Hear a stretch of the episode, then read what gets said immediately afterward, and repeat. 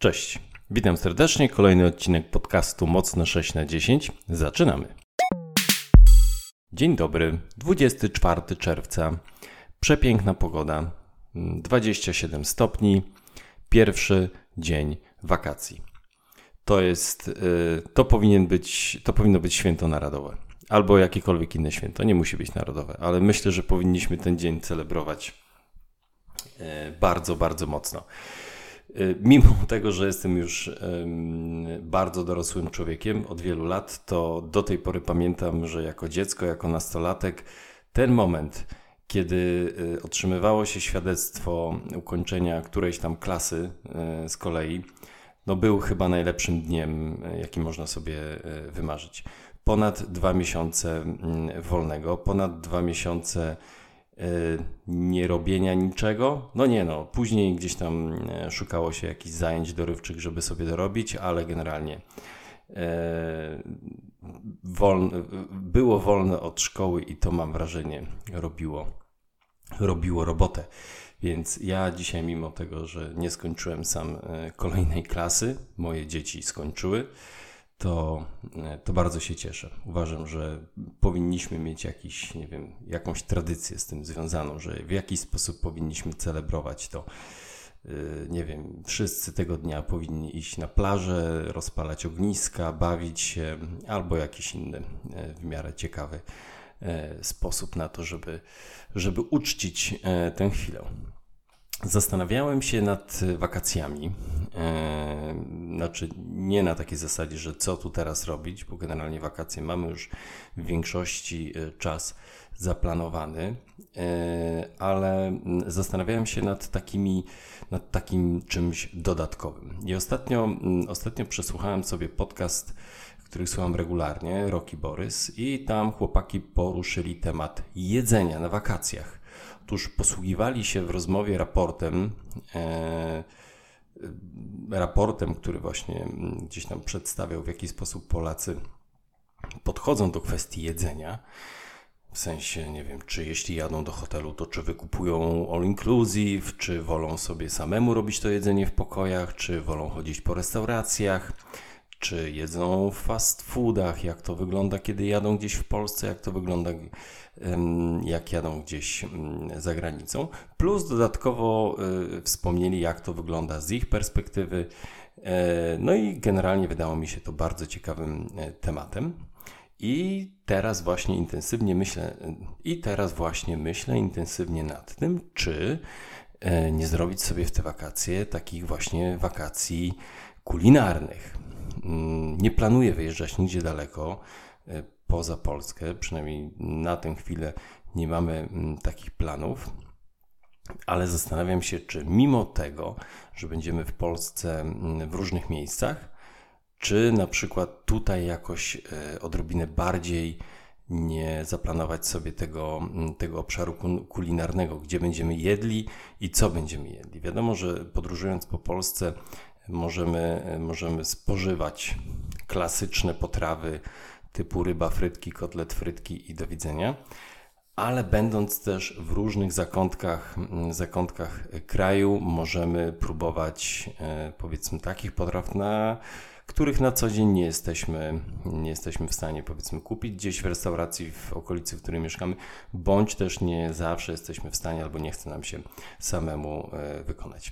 Kilka odcinków temu mówiłem e, o tym, że jestem osobą, która właśnie z takiego lenistwa raczej bezpiecznie podchodzi do do jedzenia, więc zamawiam powiedzmy w sprawdzonych restauracjach rzeczy, które wiem, że mogą mi smakować, właśnie ze względu na to, że posiłek jest takim, mm, mimo to, że jest potrzebny, to dodatkowo jest taką powiedzmy gratyfikacją, nagrodą, że możemy sobie zjeść coś, co nam smakuje i często boję się, że e, próbując nowej rzeczy, ona po prostu mi będzie smakowała i nie będę najzwyczajniej w świecie zadowolony. I tym samym chciałbym odrobinę od tego odejść, bo jednak e, e, no, mam zdecydowanie poczucie, że mm, takie podejście powoduje, że wiele rzeczy nas e, omija i warto po prostu gdzieś tutaj ryzykować i, i próbować mm, nowych rzeczy, jeśli, o, jeśli chodzi o kwestie kulinarne. Pomysł jest w zasadzie z dzisiaj. więc ciężko mi powiedzieć jakiekolwiek konkrety, ale wyobrażam sobie to w ten sposób, że jadąc w jakieś konkretne miejsce, czy to będzie miasto, czy miejscowość, po prostu kwestia wyszukania tego w internecie, co jest taką, e, powiedzmy, jakąś regionalną potrawą w tym miejscu i czy w okolicy znajdu znajdują się, przepraszam, jakieś mm, restauracje bądź inne miejsca, które e, mogą w takiej czystej formie zaserwować, e, zaserwować właśnie takie, takie jedzenie. Myślę sobie, od czego tu zacząć. Na pewno zacznę od Trójmiasta. W Trójmieście jest bardzo dużo e, lokali gastronomicznych. No i pewnie teraz gdzieś poświęcę sobie czas na to, żeby wybrać jakiś i, i pójść i spróbować czegoś nowego. Kolejnym powodem, dla którego o tym e, myślę, jest e, to, że no, chciałbym mieć jakiś dodatkowy content do, do podcastu. Myślę, że takie spotkanie z nową potrawą, z nowym miejscem e, na pewno będzie na pewno dla mnie, może dla Was też będzie interesujące, żeby usłyszeć. Może się okazać, że z którejś z rekomendacji skorzystacie, albo właśnie na odwrót, albo nie skorzystacie, co zawsze jest cenne dowiedzieć się, żeby nie iść gdzieś, bo można się powiedzmy naciąć. To tyle, jeśli chodzi o kwestie e, kulinarne. E, myśląc o tym, już mam powiedzmy odrobinę lepszy humor. To jest całkiem z mojej perspektywy spoko pomysł, żeby, żeby znajdować nowe, nowe, ciekawe miejsca do jedzenia. Teraz yy, dawno nie rozmawiałem, nie mówiłem, co tam w ogrodzie.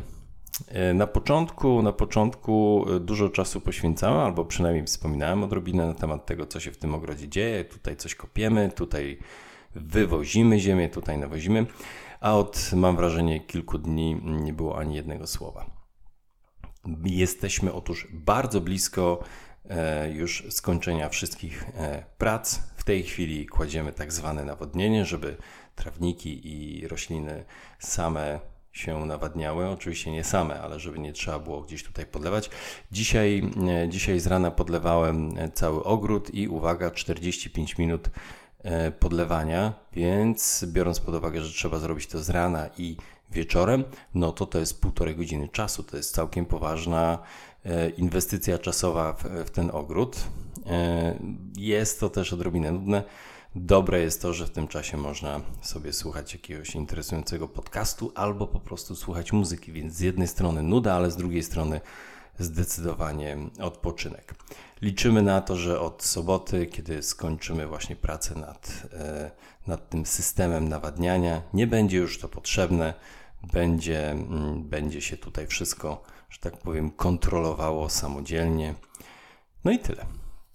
Także bardzo, bardzo się z tego e, cieszę. To był w zasadzie i maj, i czerwiec bardzo, bardzo intensywny pod tym kątem. Teraz jedynie co, no to faktycznie musimy dbać, żeby te bardzo, bardzo dużo roślin gdzieś tam przetrwały, bo no bo jest ich dużo i często jest tak, że te rośliny trzeba w różny sposób e, traktować.